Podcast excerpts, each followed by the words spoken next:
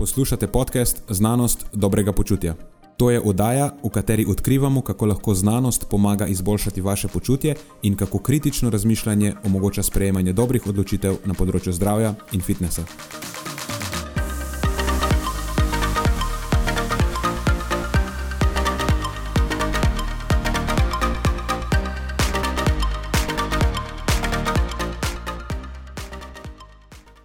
Preden začnemo, pa se moram zahvaliti še našim sponzorjem. Zaenkrat to še vedno ni velika korporacija, temveč zvesti poslušalci, ki nam izkazujete zaupanje in podporo s prijavo v našo člansko skupino Znanost dobrega počutja. Hvala vsem, ki s tem držite luči prižgane in omogočate podkastu, da raste in postaja še bolj kakovosten. Hvala tudi vsem, ki nas podpirate s pozitivnimi komentarji in visokimi ocenami, ter s tem, da priporočate podcast svojim znancem in prijateljem. Zdaj pa je končno čas za začetek epizode. Uživajte ob poslušanju.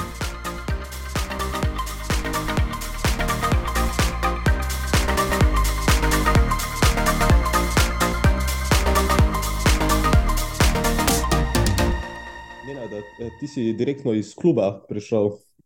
Tako, zvečer si posnel podcast, šel si v klub, in potem si prišel direkt iz kluba, in gremo snemati novo epizodo. Vstal sem pred petimi minutami. Koliko je minilo, koliko, koliko sem spal? Ne vem, par ur. Uh, Tca pet ur, približno, manj. To bi ne, veljalo, če bi zaspal takrat, takoj, ko sem objavil podcast. Pa predvidevam, da nisi. ne, imel sem v bistvu problem za spati po nekaj časa. Uh, verjamem, da si bil uh, še malo pod, pod vtisom. Ma nisem bil pod vtisom, samo ko si zelo angažiran in intenzivno delaš, očitno imaš potem problem za spat. Ja, traja nekaj časa, da se malo umiri telo. Ampak, lej, ni, ni panike. Napolnil sem rezervoar z alkaloidi, spil sem kavo, vzel sem nikotin, mislim, da sem pripravljen. Drugač, spil sem kavo, prva stvar, ki sem ostal, sem skuhal kavo, Oj, oj. Uf, ne, vem, ne vem, če bi bil Hubert malo navdušen nad tem. Ja, nisem imel časa počakati dve uri. Okay. Drugač, upam, ja, upam da ne boš kar izpuhtel zdaj pred mojimi očmi. Ne, po mojem, da ne. Šaliva samo na, na Andyjev račun spet. Drugače, mogoče to koga zanima, lahko meniva. Andy Huberman priporoča, da spiješ kavo dve uri potem, ko ostaneš, ker kasneje pa je potem ne doživiš kreša. Um, tako kot mnoge stvari, ki jih Andy priporoča, tudi ta ni potrjena, niti z nobenim dokazom, niti z nobenim smiselnim mehanizmom. Poslušal sem že več razlag o tem, sicer ne njegovih, ker on ni podal nobene konkretne, pa smiselne. On je pač sam rekel, da, da pač ne bi kave dve uri, potem ko ostaneš. Potem so nekateri drugi, ki so to probali pojasniti z nekimi mehanizmi, ki pa ne pijejo vode. Mislim, ne razumem spoh kako, ker pač Kofein deluje tako, da se veže na adenozinski receptor, na mesto adenozina. Ko se adenozin veže na receptor, postaješ zaspan, po domače povedano, adenozin je tako en stranski produkt presnove. In ko, in ko si ti buden in intenzivno proizvajaš energije za svoje dnevne uh, procese, za svoje dnevna upravila, nastaja adenozin in potem več tega aden, adenozina, kot je v obtoku, več se ga veže na receptorje in ti postaješ zaspan. Uh, kofein nekako to pre, pre, preprečuje, ko je v obtoku in ti ne čutiš zaspanosti. Ne čutiš ključna beseda. Zdaj, jaz ne razumem, kako to, da ti pač zjutraj zamakneš to dve uri, kakorkoli vplivalo bi lahko na presnovo adenozina, ne more. To, da se adenozin veže na receptor, nima veze s presnovo adenozina. Presnova adenozina poteka tako generalno, in adenozin ne rabi biti vezan na receptor, da bi se presnavljal. Tako da ti spiješ kavo, ne spiješ, boš imel čez 6 ur iste ravni adenozina. Edino, kar uh, lahko s tem narediš, je, da prestaviš kreš za dve uri. pač on kreš, ki bi ga imel pred dvema urama, torej v tistem oknu nekih štirih, plus minus, recimo dve uri za večino ljudi. Potem, ko si spil kavo, da bi krešil, boš zdaj pač krešil dve uri potem ker si zamaknil za dve uri. Efektivno to je to, kar narediš. Zdaj, mogoče to lahko komu koristi v smislu, če je spil kavo ne vem, šestih, pa mu je dva, ob dvanajstih, ob enih kreš, mogoče jih ni idealno, ker je sredi dneva. Če zamakneš to za dve uri, boš imel kreš ob dveh, treh. Mogoče je to boljše, takrat si že iz službe, pa ne vem, lahko greš na kavč. Tako. Ali pa si pač privoščiš eno kavico tam okrog 12. in ne kompliciraš. Ali pa spiješ eno kavo, ja. Mislim, da ti to bistveno bolj elegantna rešitev. Eh, Ali pa doziraš počasi, ne? Doziraš počasi, jaz spijem eno zjutraj, pa pol eno čez dve uri, pa še eno čez dve uri, pa pol. Ne šalim se. Drugač pa pač kofein je taka stvar, kjer je zelo pomembno upoštevati specifike posameznika. Eh, v praksi smo videli, pa ne samo v praksi, se literatura kaže, da so simptomi, po, simptomi v narekovajih, po zaužitju kofeina lahko zelo drugačni, verjetno tudi od adenozinskega receptorja. Uh Mhm. -huh. Ja, predvsej je nekih biološko pogojenih specifik, odvisnih v največji meri najbrž od genetike. Tako da pri nekaterih pač kofein očitno sproži neželene stranske učinke, lahko že v zelo majhnih odmerkih. Tako da za marsikoga potem tudi ne bo primerno, glih, da dozira kavo vsake dve uri. Za marsikoga tudi ni primerno, mislim, ne za marsikoga. Za mogoče koga tudi ni primerno, da sploh dozira kofein v večjih odmerkih, niti enkrat na dan. Uh -huh. Tako da to, to je ne zato, ker bi bilo kar koli, mislim, v tem primeru je slabo, ker se pač stresajo, ampak ja, ne bo noben umrl zaradi tega, a, ampak ljudje se različno odzivajo na kofein in to je potreba upoštevati. Se mi zdi pa zelo nesma, ne, ne, nespametno eh, dati neko tako generalno hipotezo, zamakni ga za dve uri, to je zdaj jaz nekaj, kar priporočam vsem, to je kar nekaj. Ja, jaz, jaz predpostavljam, da je on pač nekako skozi trial and error ugotovil, da to njemu nekako ustreza in seveda, ker njemu ustreza, potem se nekako to kar, veš, preneslo na celotno populacijo, eno generalizirano priporočilo. Ja. Lej, si, si lahko Mislim- sam zlahka ugotoviš, kaj tebi ustreza. Če ti pač ne paše pit kave ali kofeina v kateri koli drugi obliki, nasploh v večjih količinah, potem se mu ogni. Če ne opaziš teh težav s krešom, ga pa zauži takoj, ko ostaneš. A veš, ni, ni one Ja, size fits all priporočila. vedno tako rešujemo. Če ima nekdo problem s kofeinom ali pa s kavo, potem moraš najti individualne rešitve. ne Točno pa to. naplesti neke zgodbe, ki je v tem primeru celo brezvezna. In potem kar posploševati, pa priporočati to za vse, zato ker se bo zdaj to slišalo kul, cool in ti si kul cool neuroznanstvenik na podkastu in hočeš biti še bolj kul. Cool. Ja. In si odkril neko novo biohacking pot, ki je še nihče drug ni. Ja. Tako da toliko o tem zamiku kofeina. Skratka, jaz ga nisem zamaknil, tudi jaz. Jaz ne. upam, jaz upam, da ne bom doživel kreša ob 12, ker takrat glih imam snemanje za, RTV. Ampak predpostavljam, A- da boš načrtno spil morda še en bolus kofeina predtem. tako da- Za vsak slučaj je pametno. Bom vzel eno moder monster, s Ja. katerimi sem včeraj napolnil zalogo v Džimu. Ja, ne da se je prijazno včeraj napolnil nazaj z monster zalogami v Čimu. Tako da, krešu se bomo ognili. Ja, drugač, toliko sem jih kradel v zadnje čase, Matjaža, da sem moral sem mu pol kupiti celo šteko nazaj. Ne vem, če lahko krajo smatraš kot uh, nekaj, kar ti nekdo podari, ampak ok. No, bil si prijazen in si rekel, da jih lahko vzamem, kolikor jih hočem. Jaz sem bil pa pol nekako decent, kako se to reče, kulturen nazaj in sem pač nabavil novo šteko. Ne, nad, jaz tisto smatram kot klubski kofein. A veš, imamo en klubski šampon, ki je nažalost pošel, imamo klubske energijske napitke in tako dalje. No, vse zdaj pač zaloga klubskih monsterjev je napolnjena. Tako, tako. Drugač pa še ena zanimiva stvar, ki sem jo gotovo pri nas, monster, recimo ni slejen z eritritolom, ne? Uh -huh. v Ameriki pa je. A resno, ali tega pa Ja, nisem ja. vedel? Ja, ker Lane Norton, recimo včeraj, zakaj, mislim, sej, zakaj nisem šel spat včeraj ob normalni uri, ker sem snimal ta odgovor na ono eritritol študijo. Uh, no, potem, ko sem to objavil, dobesedno pet minut potem, sem videl, da je tudi Lane Norton objavil nek njegov Odgovor, povze- repliko. po, po, povzetek, ki je bil Mhm. že tako, ali tako, kot pravim tam v enem, po mojem povzetku, ni, nisem glih navdušen nad odzivom evidence-based množice. Tako res sem se zamislil nad tem, no? A, a smo tudi postali nek pač sam kult, ki pač dogmatično zavrača vse, kar je prenapihnjeno v medijih in kar nam nekako ni všeč, kako so avtori naredili zaključke. A, a se bomo ukvarjali z dokazi, a se, a se bomo kar nehali in bomo sam, veš, srali pa vsem. Um, Uh -huh. Tako da, ne vem, v tem pogledu nekako sem bil zelo presenečen, kako hitro so vsi skočili, skočili na vlak. O, to je za nič, to je čist brez veze, to ni čisto nič nam ne pove. Ok, ne pove nam veliko, ampak ni res, da nam čisto nič ne pove. No, v glavnem, ta je Lejnov odgovor Vse ne, da sem pričakoval kaj drugega, ker v zadnjem času dela sam to. No, njegov odgovor tako je bil, pač, tudi je bil brezvezen. Mm, ni, ni povzel cele raziskave, povzel je eno tretjino, tisto eno tretjino, s katero je lahko nekako naredil svoj point, in na začetku pije monster. Pravi, gledajte, spravljam se v pre, prezgodni grob. Ne? Kot da kdorkoli verjame, da, enem, da je en monster problematičen. Se ne govorimo o tem, ampak o kroničnem uživanju eritritola, ampak whatever.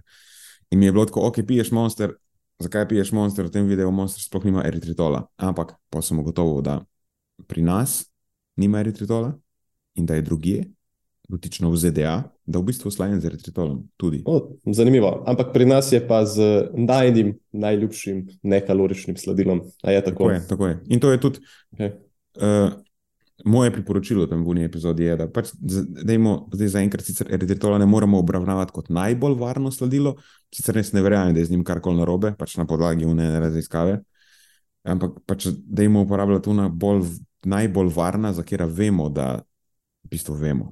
Na tej točki bi je super reči, da vemo, koliko se pač verjeti da, kadarkoli, da so to varna sladila in da jim uporabljati tista. Ja, pač generalno. Jaz nad sladkornimi alkoholi tako, tako nisem navdušen, svojo mamo že eno leto pravim prepričati, da nehaj uporabljati eritritol, ker je brezvezno sladilo in uporablja druge stvari. Nabavil sem jih sukralozo in je noče uporabljati, ker je, ker je oveš prašek in ne zna dozirati. Hmm. Um, ja, in pač še zmeraj uporablja eritritol. ja, uh, sukraloza v, v prahu in pa kofein v prahu, moraš biti malo pozoren ne, pri, pri samem doziranju. Ja. Ampak se da, vsekakor se da. Drugače, eritritol ti je všeč po okusu. Meni je tako, nek, nek tak čuden, hladen, vse mi pokvari, kamor ga dam. Uh, iskreno, meni pravzaprav vse, kar ni sukraloza, res ni všeč. ja, sukraloza, fanboy, jaz sem tudi sukraloza, fanboy. pač, uh, tako, tako pač je, nekako nič drugega mi ne paše. Uh, vsekakor, vse, vsekakor sem kar držal sukraloze. Takrat, ko to uporabljam, kaj pa brkati ne v kakih teh napitkih, uh, mogoče če se znajde v kakšnih specifičnih izdelkih, ampak ne vem, večino časa tudi načrtno nek, nekako ne, ne dodajam teh izdelkov. Da ne zato, da imam neko skrb pred njimi, ampak ne vem, enostavno ne, ne čutim potrebe. Imam tudi precej visoke energijske potrebe in se mi zdi, da mi da brez sladkorja kot takega bi celo težko prišel uh, na dnevni ravni skozi, uh, tako da bi pokril svoje dnevne energijske potrebe. Fair enough. Fair enough. ok. Kaj sem videl danes rekel, da se bomo pogovarjali? Jaz sem te vprašal zadnjič, kako je bilo v Angliji, uh mhm. -huh. ko si bil na obisku na svojem nekdanjem koledžu, tam, kjer si upravljal magisterij. In meni je ta zadeva je meni zelo zanimiva meni, oziroma generalno so mi zelo zanimive izkušnje študentov v tujini, ker potem lahko to primerjamo z izkušnjami študentov v Sloveniji, primerjamo kakovost študija. In sem si želel, da povem malo več o tem na podkastu, kako se zadeve razlikujejo tam in pri nas, ker do diplomski študij si upravljal pri nas, po diplomskega si upravljal v Angliji. Da, in po neko... diplomskega ponovno pri nas. In po, po diplomskega upravljaš ponovno pri nas, tako da v bistvu imaš kar, ja. dobre, refer, kar dobre reference.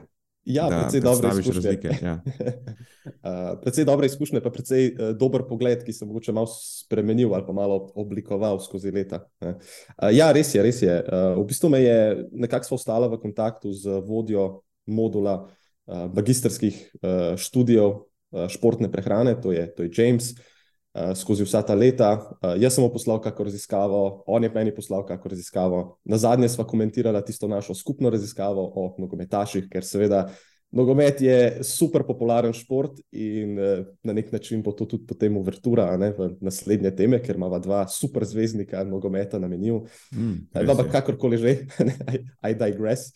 Um, in uh, James me je povabil, da pridem na en obisk prostorov, takrat, ko bom naslednjič v Londonu in to se je zgodilo pred parimi tedni. Uh, dobila sva se, peljal me na kavo, sicer najprej mi je obljubil en pint of beer, ampak mislim, da je bila ura malce prezgodnja, celo za angleže, tako da sva se dobila na eni kavi, potem me je peljal na tur novih prostorov, uh, nek nov laboratorij imajo. Za, predvsem za fiziološke znanosti, izgleda zelo zanimiv.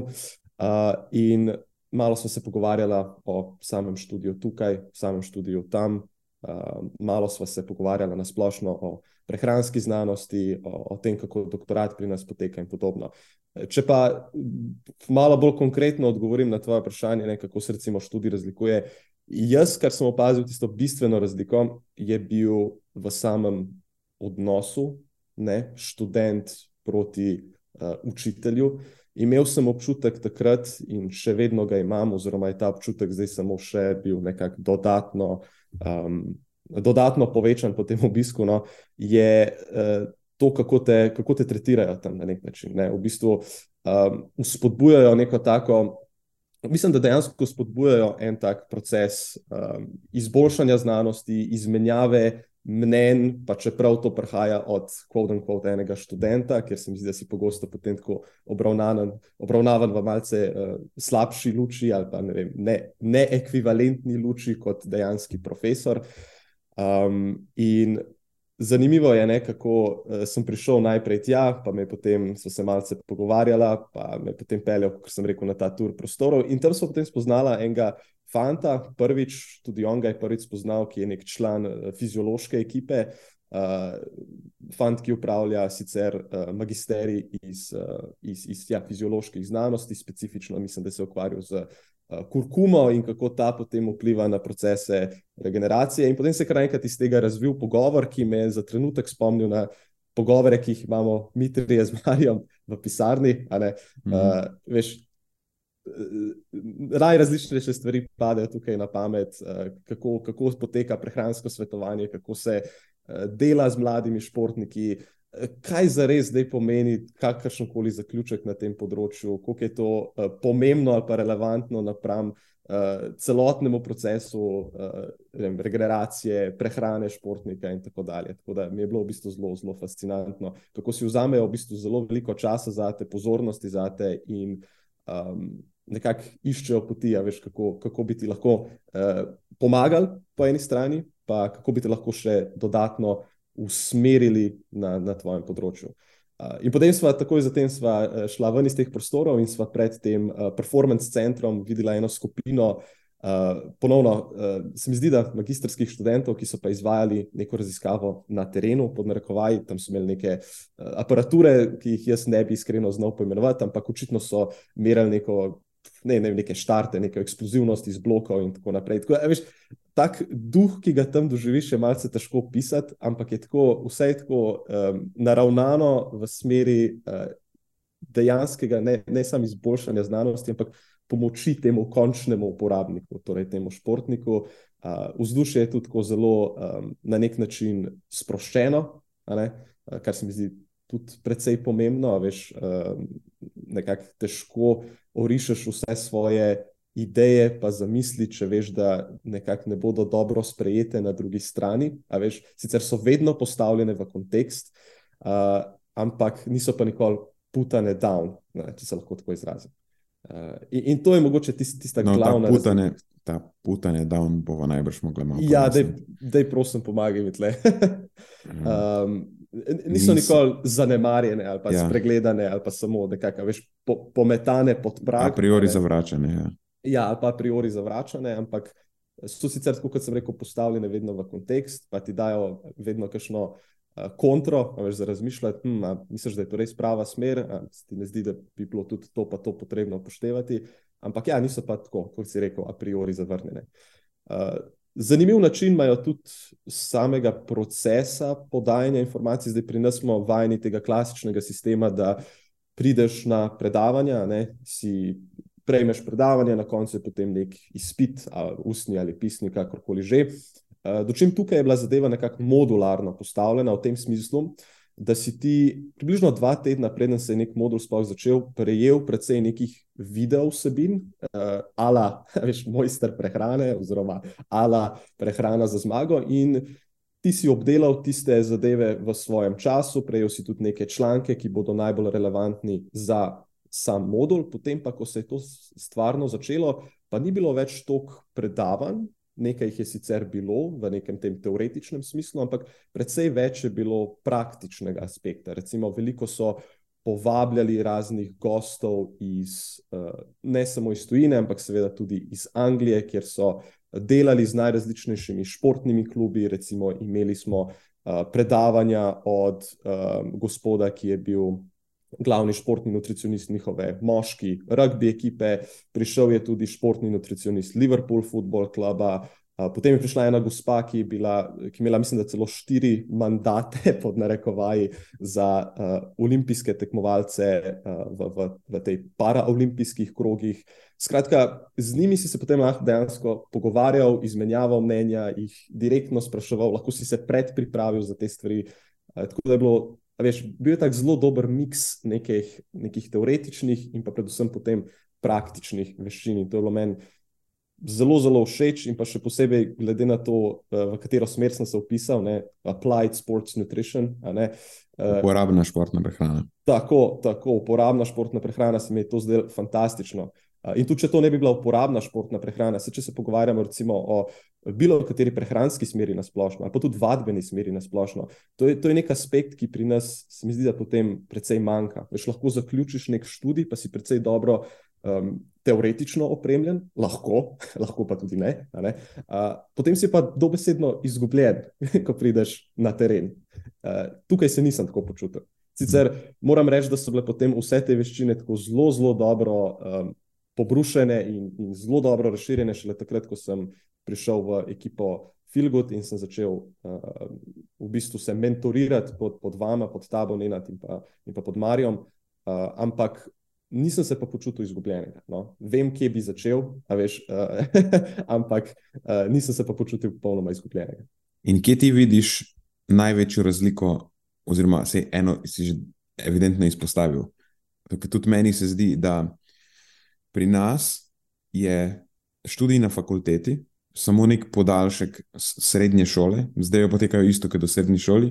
Ti priješ na uro in tam poslušaš predavanje, in dobiš domačo nalogo, in naslednjič spet priješ na uro in dobiš domačo nalogo, in potem pišeš test.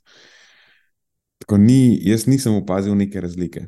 Mogoče si malo bolj prepuščen sam sebi, prijaviti se moraš na izpit, ampak to je pa to. Pa poslušaš specifične predmete, ki so bolj ali pa manj specifični. Um, mislim, da tukaj da se še marsikaj narediti pri nas. No. Ja, In ja, se strinjam. Težko bi jaz tudi rekel, da je to samo izkušnja iz ene fakultete, ki sem jih obiskoval več, tudi odvisno od predmeta in angažiranosti predavatelja. Ampak generalno se mi zdi, da je to princip dela pri nas. No. Ja, je. Je. Uh, in, in ja, to, to kar si vprašal, se pravi, to bi bili nekako glavni dve stvari. En, en je bil recimo sam, sam ta odnos in pa vzdušje na nek način, ampak drugi, ta, ta pomembnejši aspekt, bi bil pa recimo sam nek način, um, kako ta stvar v osnovi sploh poteka. Mislim, da si zelo dobro povedal. Dejansko se mi zdi, da je način dela je na fakultetah je res, v bistvu je podaljšek srednjih šol, kot si rekel. Um, manjka, manjka mi ta nek del. Eh, praktičnih veščin, praktičnih znanj na terenu. Vem, da imamo tudi precej nekih pripravništev in podobno, ne, kot, kot ne vem, nek, nek poskus tega, ampak zdi se mi, da bi lahko bilo to precej boljše izpeljano, pa bolje integrirano že v sam ta osnovni del. Ne. Mislim, pripravništva pri nas itak potekajo ločeno od fakultete, ti si načeloma. No? Ja. Sicer je v tudi v okviru neke fakultete, ja, ampak pogosto konkretna pripravništva potem potekajo pri nekih podjetjih. Plus, omenil si, da si že na začetku dobili pravzaprav predavanja, posneta vnaprej. Torej, vso gradivo mm -hmm. si mhm. mogel preštudirati, kot pravi beseda študij, si ga moral preštudirati prej. Nisi hodil kot v srednjo šolo na predavanja, ampak si potem na urah s profesorjem lahko neke druge, malo bolj konkretne stvari debatiral, razmišljal. Tudi jaz si tako predstavljam študij. No. Pri nas uh mhm. -huh. pač vsako leto predavatelji predavajo eno in isto. Jaz sem upal, da se bodo včasih korone kaj naučili, da se bodo predavanja posnela. Najbrž je marsikdo to uporabil, da ne rabi znova vsako leto, predstavljaj si, da si 20 let profesor in vsako leto eno in isto stvar ponavljaš. To mora biti, pf, ne predstavljam si. V glavnem, zakaj niso te stvari posnete že vnaprej, zakaj ni neko gradivo pripravljeno, da ga študent preštudira sam in se potem lahko iz tega razvije neko razmišljanje, neka debata na samih urah.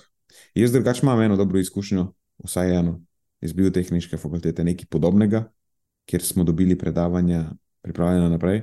Profesorica, ki je fi predavala fiziologijo prebave, namreč je, po mojem oceni, zelo dober pedagog. Sicer je zelo prijazna, v bistvu ni nič slabega, če z njo povedati, samo mogoče je malo preveč prijazna. če to je edina slaba stvar, potem. ja, pač, lej, ampak sej, lahko je tudi to slabo. Um, ampak res še enkrat, res je dobra profesorica. Um, Se razumem, da obstaja tudi zdaj, spohaj v sodobnem času, neka težnja po tem, da moraš biti super prijazen, da slučajno koga ne užališ. Sam to ni naloga profesorja.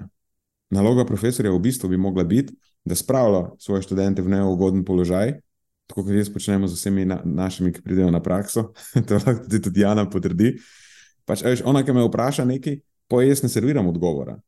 Ampak jo tako vprašam, zakaj, zakaj tako misliš. Pojasni mi zdaj ti tvoj proces razmišljanja, in pa bom jaz tebi pojasnil moj proces razmišljanja, in pa bova ugotovila, kje proces razmišljanja je bolj korekten.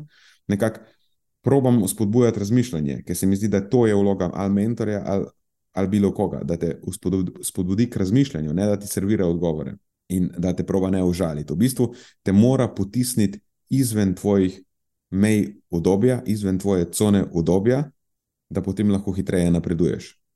Tako da to je bil mogoče edini manjši minus, ki bi ga jaz v tistem primeru uh, zaznal, ampak ono je, bilo, bil res, ono je bil res kakovostno izveden predmet, tam ni kaj pripomniti. Jaz upam, da še zmer to tam poteka na tak način, ker smo potem dejansko na ure prišli samo zato, da smo se pogovarjali o tem, kar smo mi preštudirali prej.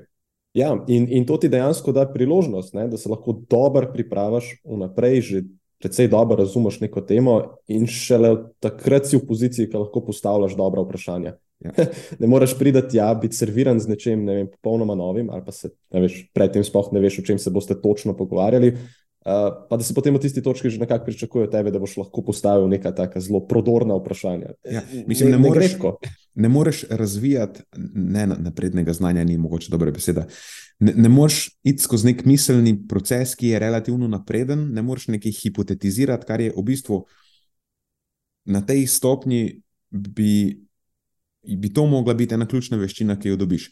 Da te nekdo nauči postavljati dobra vprašanja, torej postavljati hipoteze, predvidevati neke stvari na podlagi že osvojenega znanja, na podlagi dokazov. Tega ne moreš narediti, če si ti na predavanju prvič šele izpostavljen nekemu relativno osnovnemu znanju, nečemu, kar vemo že 20 let. Tako je.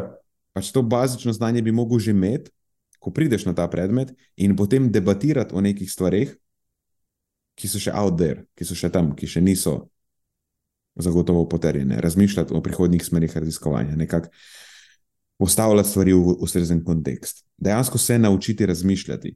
In pri nas, na fakulteti, kjer bi to mogli naučiti, ne vem, če to uspejo naučiti v zadostni meri. V nekaterih malo bolj razvitih državah, vem, da Finska je recimo tak primer. Z prijateljem, profesorjem na medicinski fakulteti, so se pogovarjali, večkrat se pogovarjali o tem.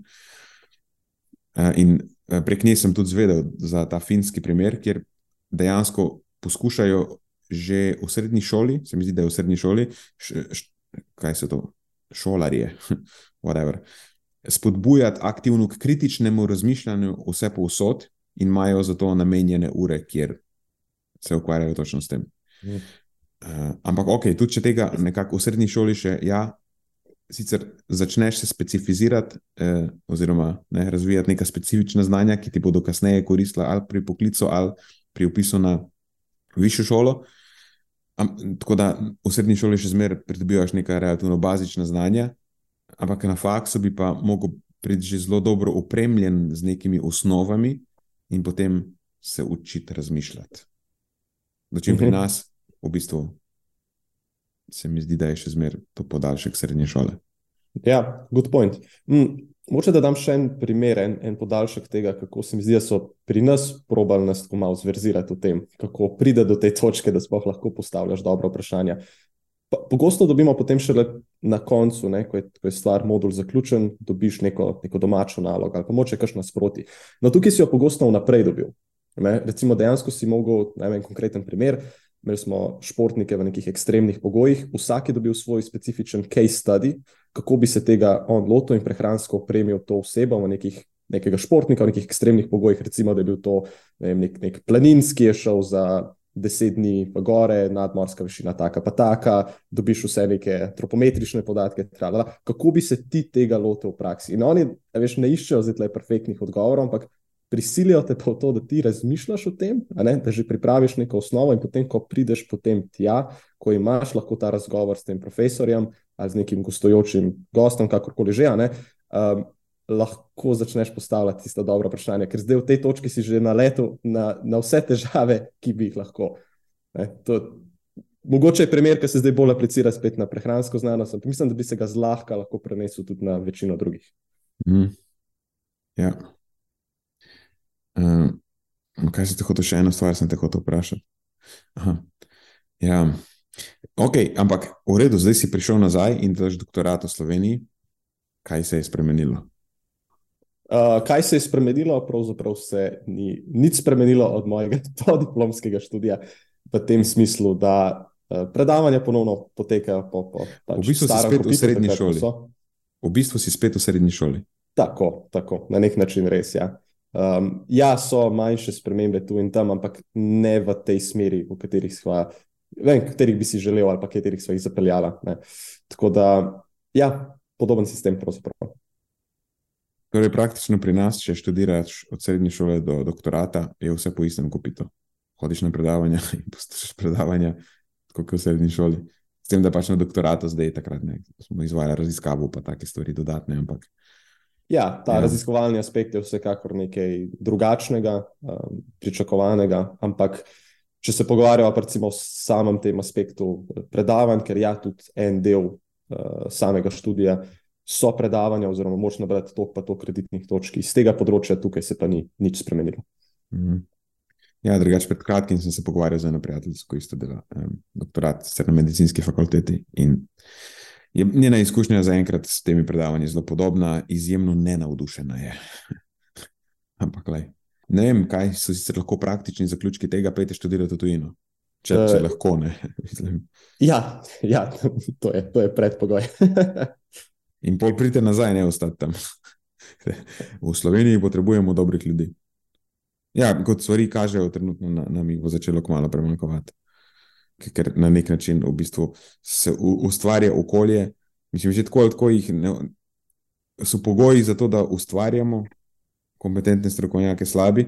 In pa tudi, ki jih imamo, pa nimamo jih malo, dejansko. Jaz sem doskrat presenečen, koliko enih kompetentnih strokovnjakov nastane v Sloveniji, ali pa mogoče študirajo zunaj, pa pridejo nazaj. Ampak se res slabo z njimi ravna. No. Tukaj so res res so slabi pogoji. In če nimaš neke ne vem, ljubezni do, do domovine ali whatever, pač neke, neke afinitete do tega okolja, do ljudi tukaj, in tako razmišljaš, kako boš učil prej stran. Ja, dejansko. Govorim iz lastnih izkušenj, namreč. ja. A je še kaj takega iz Anglije, kar bi nam eh, zaupal? Drugače, itak gremo kmalo nazaj. Ja, kmalo gremo nazaj, tega se zelo veselim.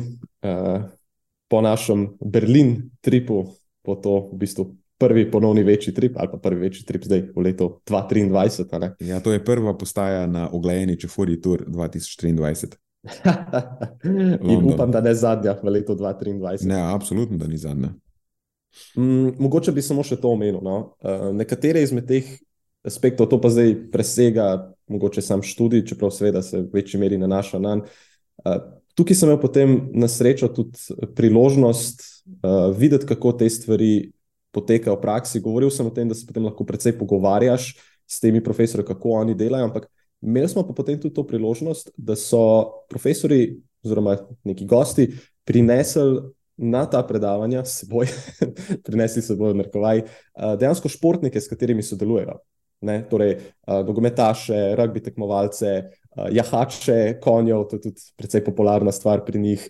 Um, omenjal sem prej uh, paraplegike in podobno. Tako da lahko si potem dejansko dobil tudi pogled v sam coaching proces, ker si ga bil na nek način celo deležen v nekaterih primerih, si videl potem, kako ta stvar poteka celo ena na ena.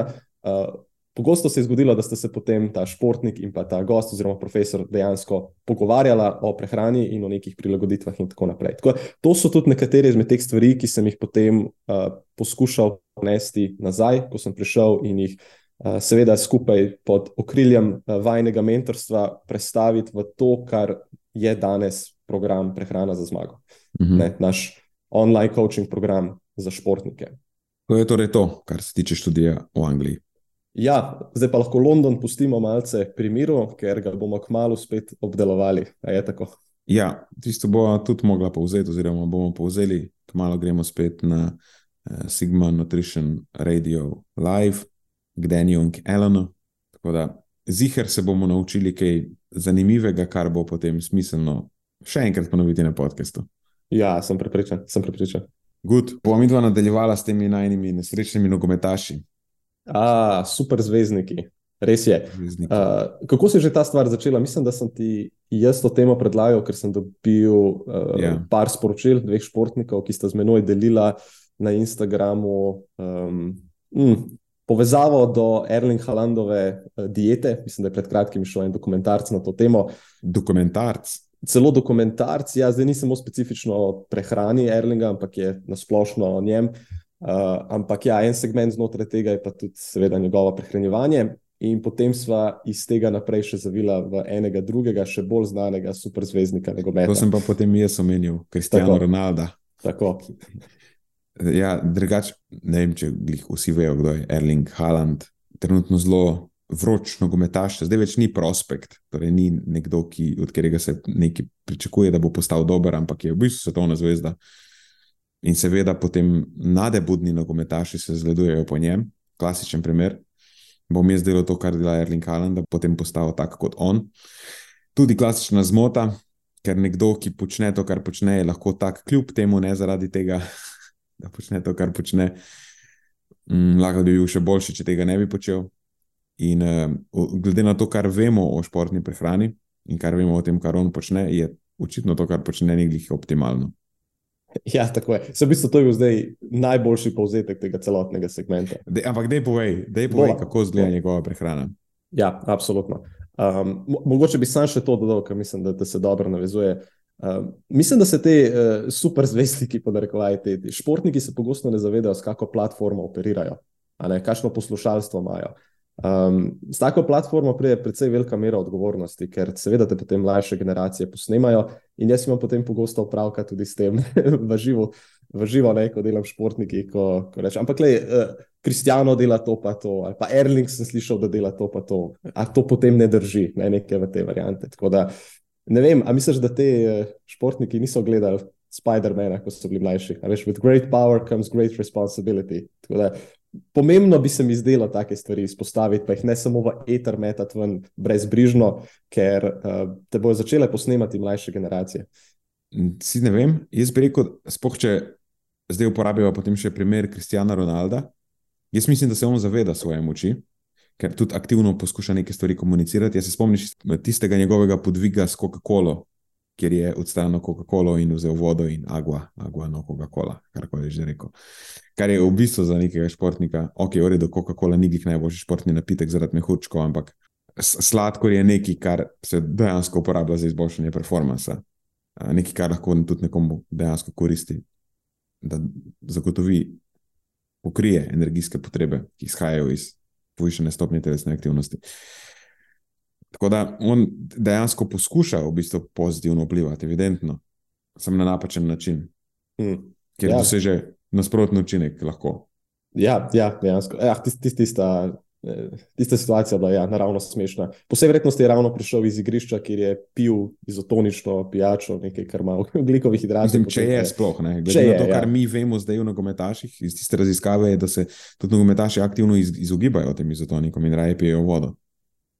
Ja, se v bistvu ta raziskava je dejansko zelo dober pokazatelj tega, kaj se potem dejansko zgodi v praksi. Um, mogoče zavedno ali pa nezavedno pod vtisom takih dejanj.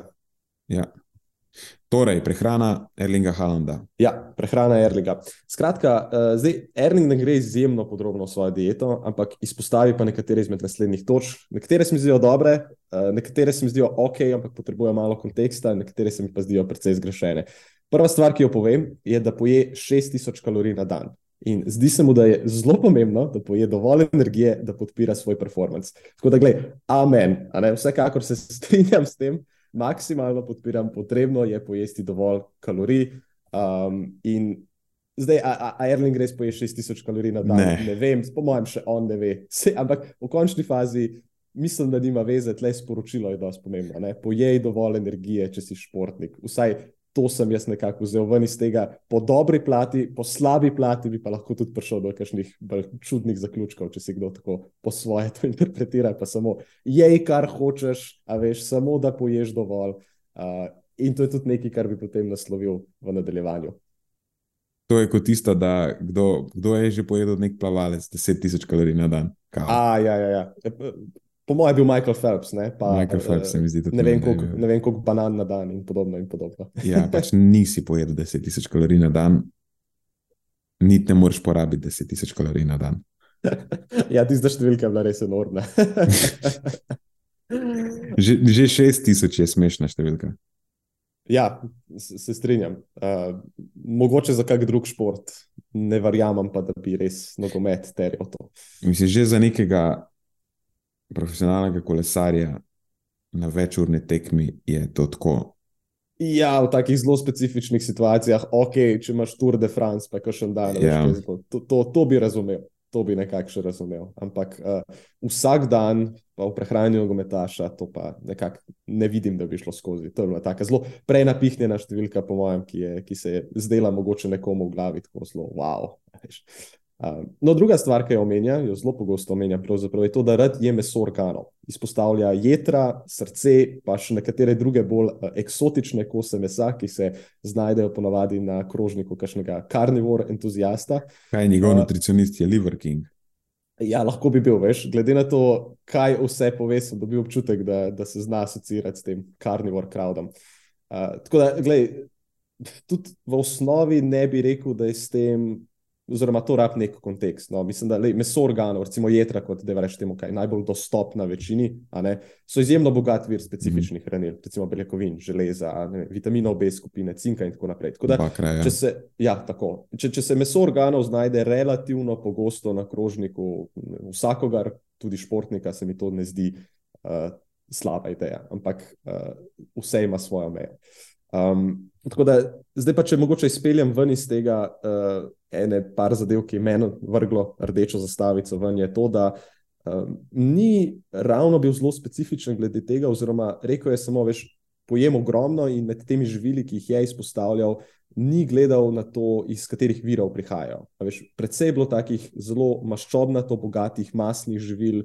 Uh, govoril je o pici, o kebabu, uh, o pica kebabu. Ne hecam se, to je bil en izraz znotraj tega, zdaj ne vem, bil to slab prevod ali ne.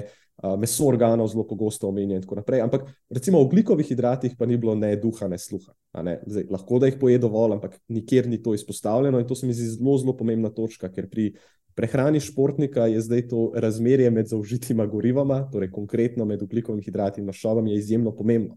Ker v praksi najpogosteje zasledimo to, da nekdo poje bistveno preveč maščob in pa bistveno premalo oglikovih hidratov, če poje dovolj energije na, na redni bazi. Kar Da- smo tudi ugotovili pri naših nogometaših. Točno to, kar smo dejansko tudi ugotovili pri naših nogometaših. Tako da ni pomembno samo to, da poješ dovolj, ja, vsekakor je to pomembno, ampak pomembno je tudi, iz katerih virov poješ to, kar poješ, če se lahko zelo laično izrazim. Um, no, potem so pa tukaj še ene stvari, ki so mi pa zelo veliko rdečo lučko prižgale. Recimo, da pije samo filtrirano vodo, da je izključno lokalno hrano, sicer ne. Uh, in tako naprej. Mislim, da daje to tak um, občutek, da je prehrana ne vem, manj dostopna eh, širši populaciji športnikov, ki a veš, ne operirajo na nekem budžetu, da bi lahko zdaj a veš, pili samo to, pa uživali samo tako in tako. To je to- to- toliko enih z- logičnih zmot se tukaj znajde, da sploh ne vem, kje naj začnem. Filtriral bo vodo, čisto vodo, vse oh in sploh, potem pa omenja pica kebab. Ja, točno to. Iz procesiranega mesa, tako mislim. Ja, eh, se pravi, naravnost čudno je. a Veš, ne, ne veš, sploh, kje točno bi začel s komentiranjem česa tazga. Tako da eh, jaz bom sam tako rekel. No? Eh, Tudi ne domače, veš, tudi zamrznjeno, tudi konzervirano. In vse take stvari, ki se pogosto smatrajo kot na nek način manj vredne, to je vsekakor lahko, oziroma spodbujamo, da je vsakodnevni del prehrane športnika, ki imate pogosto precej, daš, ma, relativno gledano, malo časa za pripravo kakšnih živil ali pa nekih osnovnih obrokov. Pomagajte si s temi živili, nič ni narobe z njimi. Uh, in pa filtrirana voda, ne, ne da biti filtrirana voda. To je drugače nekaj, kar tudi Cristiano Ronaldo dela. Ja, se spomnim. Ja. No, vse posod mm. nameščene filtre za vodo. Uh, ok, pa je pa tle še ena stvar, ki se mi je zdela tako precej zanimiva. In sicer uh, izven sveta prehrane je izpostavil nekaj, um, ne, nekaj v tem stilu, in sicer da takoj, ko vstane, proba uh, čim hitreje se izpostaviti uh, svoje oči sončni svetlobi, ker je to pod narekovaj pomembno za cirkadijani ritem. Ne, nekaj v tem stilu se izrazi. Uh, In veš, spet to mogoče, veš, na nek način ni napačno, ampak se mi zdi, da način, kot je to komunicirano, dobi zelo hitro tak malo tako um, biohacking vibe. vibe ja. razumeš? tako da, eh, tako, tako kot sem rekel v štartu, veš, nekatere stvari niso vem, a priori napačne, ampak potrebujejo predvsem enega konteksta v ozadju. Tako da, če se jih samo tako vzame eh, površno, mislim, da se lahko predvsej napačnih stvari interpretira na podlagi tega. Mm. Ja, lahko se dobi napačen vtis o tem, kaj so prioritete in kaj je zelo pomembno. Tako, točno to. Ja. Vse je že fajn, da si izpostavljen sončni svetlobi, oziroma pri svetlobi, ko je zunaj svetlo, absolutno bo to koristno za cirkadijani ritem. Tako. Ne vem pa, če je to glih nek na svet, ki pa je zdaj tako zelo pomemben. Ja, vsekakor. Tle manjka neka hierarhija potreb. No? Tako, veš, lestica, s katerimi stvari se najprej ukvarjati, pa čemu nameniti več pozornosti, uh, in tako naprej. Mm. Tako da, to je pravzaprav to. No? Veš, pravi, ni, ni, ne gre tako zelo podrobno v te stvari, ampak se vidi, se mi zdi, da malo kam pa staco moli glede enih stvari. Ja, mm, sicer umenjuje pica kebab, pa tako pomeni, da nima najbrž nekega bolestnega strahu pred oglikovimi hidrati. Ker načeloma je to tisto, kar doskrat športnike drži nazaj, vsaj po izkušnjah v naši praksi. In, in to je tudi tisto, kar je mene sprožilo takrat pri Kristijanu Ronaldu. Ker on je pa nekdo, ki evidentno ustraja pri tem, da ugljikovi hidrati ne samo, da niso koristni, ampak da so lahko v marsikaterem kontekstu celo nekoristni ali pa škodljivi. Drugač, Kristijano Ronaldo je znan kot nekdo, ki izjemno veliko pozornosti nameni svojemu življenjskemu slogu, eh, kao izjemno rigorozno skrbi za svojo prehrano in temu se tudi pripisuje njegova dolgoživost, koliko je model star, že skoraj 40 let in še zmeraj igra relativno kompetitiven nogomet na tej točki je vedno se bije, boj se bije med dvema, kdo je najboljši vseh časov. A je to -huh. Lionel Messi in Cristiano Ronaldo.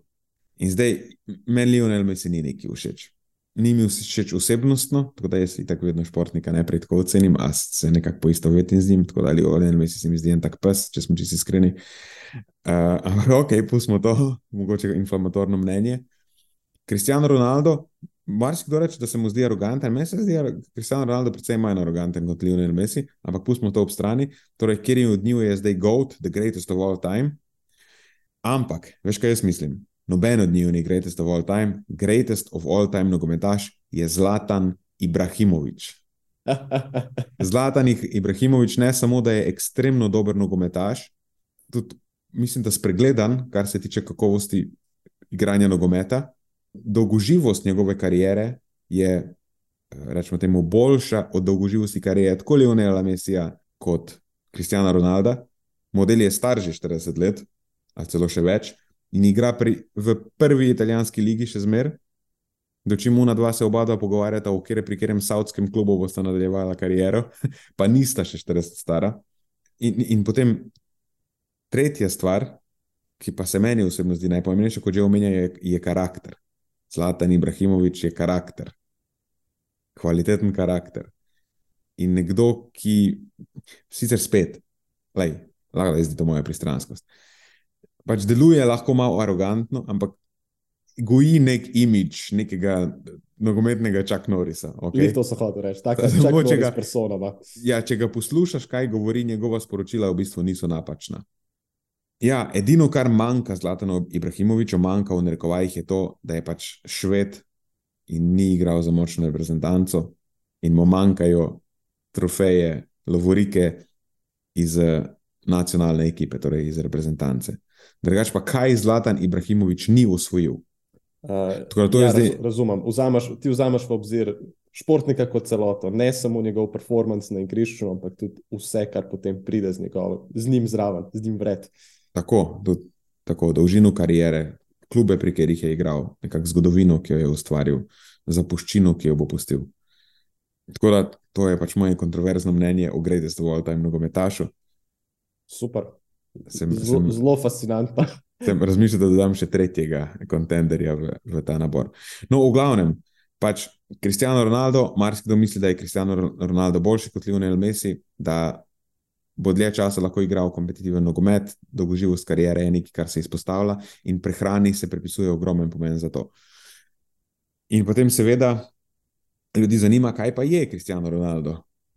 Če, če recimo pobrskaš po medijih um, in, in združiš to zgodbo prehrana, ki naj bi ji Cristiano Ronaldo sledil, je visoko beljakovinska prehrana z minimalnimi količinami sladkorja in oglikovih hidratov. In potem lahko najdeš razne informacije, kaj naj bi njegova družina najpogosteje uživala, da, je, da, je, um, da so najljubša živila rakci, hobotnica, um, vilje, v bistvu mlada govedina, kako se reče, teletina, polnovredna žita in solate. In da, ker Cristiano Ronaldo porabi toliko kalorij, je zelo pomembno, da zaužije zadosti olj in tekočin. In da kuha s kokosovim oljem. In spije veliko vode, ampak očiščene, velik poudarek daje na čistost vode. Mislim, čistost vode, ne. Ko ti v narekovajih porabiš veliko vode, torej iz Švica veliko tekočine, pa moraš dodajati tudi elektrolite, ne moreš dodajati samo očiščene vode. V bistvu je to slabo. Ja, dejansko, dejansko si delaš škodo na tak način. Tako da tok o prehrani najboljših nogometašev v zgodovini. Ja, pravo, diametralno nasprotje z dejanskimi smernicami za športno prehrano. Ja. Skratka, ne poslušati in vsekakor ne posnemati svojih najljubših nogometašov, športnikov na splošno, lahko v tem kontekstu rečemo. Um, no, in pol, ki smo že omenjali Mesija, očitno je potem tudi Messi začel slediti nekemu podobnemu načinu prehrane. Pa je, je Messi nekoč jedel sam pico, potem pa je dobil novega italijanskega nutricionista Giuliana Pozerja, ki je kompletno transformiral njegovo prehrano z posebnim poudarkom na vodi, olčnem olju, polnovrednih žitih, svežem sadju in zelenjavi. In v intervjuju za The Independent leta 2016 je ta Giuliano Pozer, torej Messi je nutricionist, povedal, da je sladkor najslabša stvar za mišice in da dlje kot se lahko izogneš sladkorju, boljše zate, in da so rafinirane moke tudi velik problem dan danes, ker je težko najti nekontaminirano uh, žito oziroma nekontaminirano pšenico. Tako da nekako sklepa se potem, da je tudi Messijeva prehrana podobna Ronaldovi prehrani. Kar je tako. Zdaj na tej točki bi si kdo rekel, hej, samo to je pa zdaj že vzorec. Veš, vsi trije imajo neko to low carbiš prehrano. Kaj pa to? Nisem eden, ne? Ja, res je, ampak um, žal mislim, da to ni pokazatelj ničesar drugega. Mislim, to, so, to so pač res primerki, ti nogometaši so res primerki, verjetno so zelo predispozirani za to, da bi bili tako ali tako uspešni v nogometu. Verjetno njihova prehrana tudi ni najslabša na svetu. Nekaj je, kar oni govorijo in komunicirajo, drugo je, kar potem dejansko delajo v praksi. Tako kot so že prej omenila. Vprašanje, ali Cristiano Ronaldo res ne pije nekih izotoničnih napitkov med tekmo, ali vseeno ne vnaša ugljikovih hidratov, tudi malo bolj predelanih, za sploh, za katere sploh ne ve, da so dejansko predelani ugljikovih hidrati. Kaj vidimo v praksi, predelajo športniki, da včasih. Sicer v osnovi imajo ideje, ki če bi jim uspeli dosledno slediti, bi bile čist zgrešene, ampak v bistvu sploh ne vejo, da delajo kontra tem idejam in potem uživajo v nekaj, s čimer si po nesreč delajo korist. Tako, tukaj je veliko enih vprašanj, kaj ti nogometaši dejansko počnejo in kako se to razlikuje od tega, kaj komunicirajo, da bi bilo pametno početi. Mislim, da je nauk zgodbe tukaj, da pač Ne vem, jaz zaenkrat nisem videl še nekega športnika, ki bi ga bilo smiselno upoštevati v smislu prehranskih nasvetov. Ja, tudi jaz se zdaj probujem spomniti nekoga. V smislu nekih tako bolj znanih, eh, priznanih, svetovno priznanih vod. No, to se mi zdi. Mogoče res ne. Ja. Um, Ja, kar smo tudi- je kar malo zaskrbljujoče. Ja, imeli smo tudi tisto zadevo z Lewisom Hamiltonom, ki je nekaj časa malo tako probo propagirati veganstvo. Um, ja. Drugač, Lewis Hamilton, še en greatest of all time, eden izmed mojih ljubših športnikov, um, me je pač razočaral na tisti točki. Ampak ni te pa razočaral do te mere, da mu ne bi dal uh, GOAT oznake najboljšega vseh časov. Ne, pač kar se tiče v tem športu, po mojem, da ni boljšega. Sploh pa, če upoštevaš tudi kakovost njegovega karakterja. Zdaj, mene bi zanimalo, če bi vprašal Zlatana Ibrahimoviča, skoraj da nisem o tem prebrskal, kaj je, kakšna je njegova prehrana. A lahko naredim to zdaj? Ja, da pogled, jaz nikoli še nisem zasledil kaj posebnega na to temo. Nobenih uh, news headlinov, mogoče so pa sam spregledal, oziroma so poletele mimo mene. How Zlatan Ibrahimovič strict diet has him tearing up Serie A in great shape at the age of 39. Znam da mu tu- tudi tukaj razočaran. Tehta hrano gram na gram, bojda. Sicer to je The Daily Mail. Ja, zdaj vprašanje je tudi, veš, koliko dejanskih relevantnih informacij potem najdeš na takih naslovih. Mogoče je to, kar se znajde pol na, na, na novičniku, nekaj čisto drugega ali pa zelo prenapihnjeno od tega, kar se dejansko dogaja v praksi. Tuk- Tukaj v tem članku pišejo, da njegovo prehrano primerjajo s prehrano Kristjana Ronalda. To je sicer star članek, takrat, ko je Kristjano Ronaldo še igral v, pri Juventusu. Uh -huh. Aha, tako je. Poje veliko belega mesa, bresaole, ki, če se ne motim, je sušena govedina, pršut, goveji pršut, je to to? Uh -huh. Sveže zelenjave, ampak zamrznjena hrana, tako kot sladoled, je band, torej prepovedana, in tudi testenine so bile odstranjene iz njegove prehrane. Ampak ker njegova prehrana potrebuje veliko ugljikovih hidratov, to so točke za Ibrahimoviča, eh, poje veliko žit, cereals, okay. Kosmič, kosmiče je na mesto testenin. Kar je spet mm. v prehranskem smislu, ok, mislim, ampak nesmiselna zamenjava je. Če ješ kosmiče, pol, zakaj ne bi jedel testenin? In potem v nadaljevanju poje veliko tudi magnezija in dobrih maščob. Rad ima mandlje, ok, nenasičene maščobne kisline, Aha, plus točke za našega holesterol majstra. lokalna zelenjava, pač take stvari. To niso najslabši nasveti na svetu. Edina una z testeninami se mi zdi, ne vem. Mislim, mogoče je dejansko one kosmiče res raj, raj, lažje pojesti kot, kot, kot testenine, kaj pa jaz vem. Ja, ne vem, mogoče razen če bo tudi veliko polnozrnatih testenin prej, pa je imel težave s kakim visokim vnosom vlaknin, pa je bila to neka smiselna menjava. Ampak, lej, dokler mi Ja. nekdo ne razjasni tega malo bolj podrobno. Ja, težko. zdaj, recimo, testenine, obstaja, obstaja ena možna razla, razlaga. V tem primeru, če nimaš strahu pred oglikovimi hidrati, zakaj bi se izogibal testeninam. Če si eden izmed tistih posameznikov, ki ima probleme s fruktani, to so fermentabilni oglikovi hidrat v pšenici, lahko da te pač za uživanje velikih količin pšenice napenja. Tako da pol vzameš neke druge kosmiče, ki pšenice nimajo. A pa neke druge testenine bi lahko vzel tudi, ampak whatever. No, v glavnem, mislim, mislim, da ni, nima smisla eh, dlako cepiti. To so itak informacije vedno iz druge roke. Uh, nisem uspel najti. Ja, ali pa celo iz tretje roke se nekdo pogovarja z nekom, ki ima stik z njimi. Reč, eh, opažam, da to pa to delajo. In to je to. in to je potem headline novica. Ni nekih eh, verodostojnih člankov o prehrani Zlatana Ibrahimoviča. Ni, ni zelo glasen o tem, očitno, ni zelo vokalen, kar se tiče prehrane. Kar mogoče niti ni narobe. Mislim, iskreno za me so to plus točke Ja. v, v moji knjigi. Tako da, kar se tiče njegove prehrane, v bistvu so to samo neka predvidevanja. Ni, ni nikoli izpostavljal kot tega nekaj, kar je zelo pomembno. Jaz mislim, da so obdelala Ja, meni se tudi tako zdi. mislim, da lahko pripeljeva to zadevo počasi k koncu. Torej, v povzetku, kave ni treba zamikati, če imaš kakršen koli problem s kavo, rabiš individualne prilagoditve, ni tukaj za nekega splošnega nasveta, koliko jo zamakniti, pa koliko je spiti na dan. Ni one size fits all, torej ni enega pristopa za vse. Um, če se odločite za študij, čim prej v tujino, pa pol pridite nazaj, um, ker, ker je očitno bistvena razlika med kakovosti študija, um, vsaj v večini primerov, oziroma po najnih izkušnjah. In pa tretja stvar, da ne poslušate znanih nogometašov, kaj govorijo o prehrani, ampak najdite kompetentnega športnega nutricionista.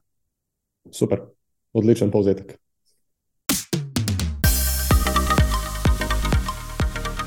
To je za tokrat vse iz naše strani. Hvala, ker ste poslušali do konca.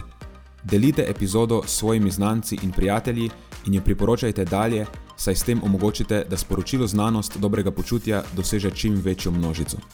Hvala vsem, ki nas podpirate s članarino in tudi vsem ostalim, ki delite podcast dalje in nam izkazujete naklonjenost z visokimi ocenami in pozitivnimi komentarji. Se slišimo prihodnjič, do takrat pa ostanite premišljeni.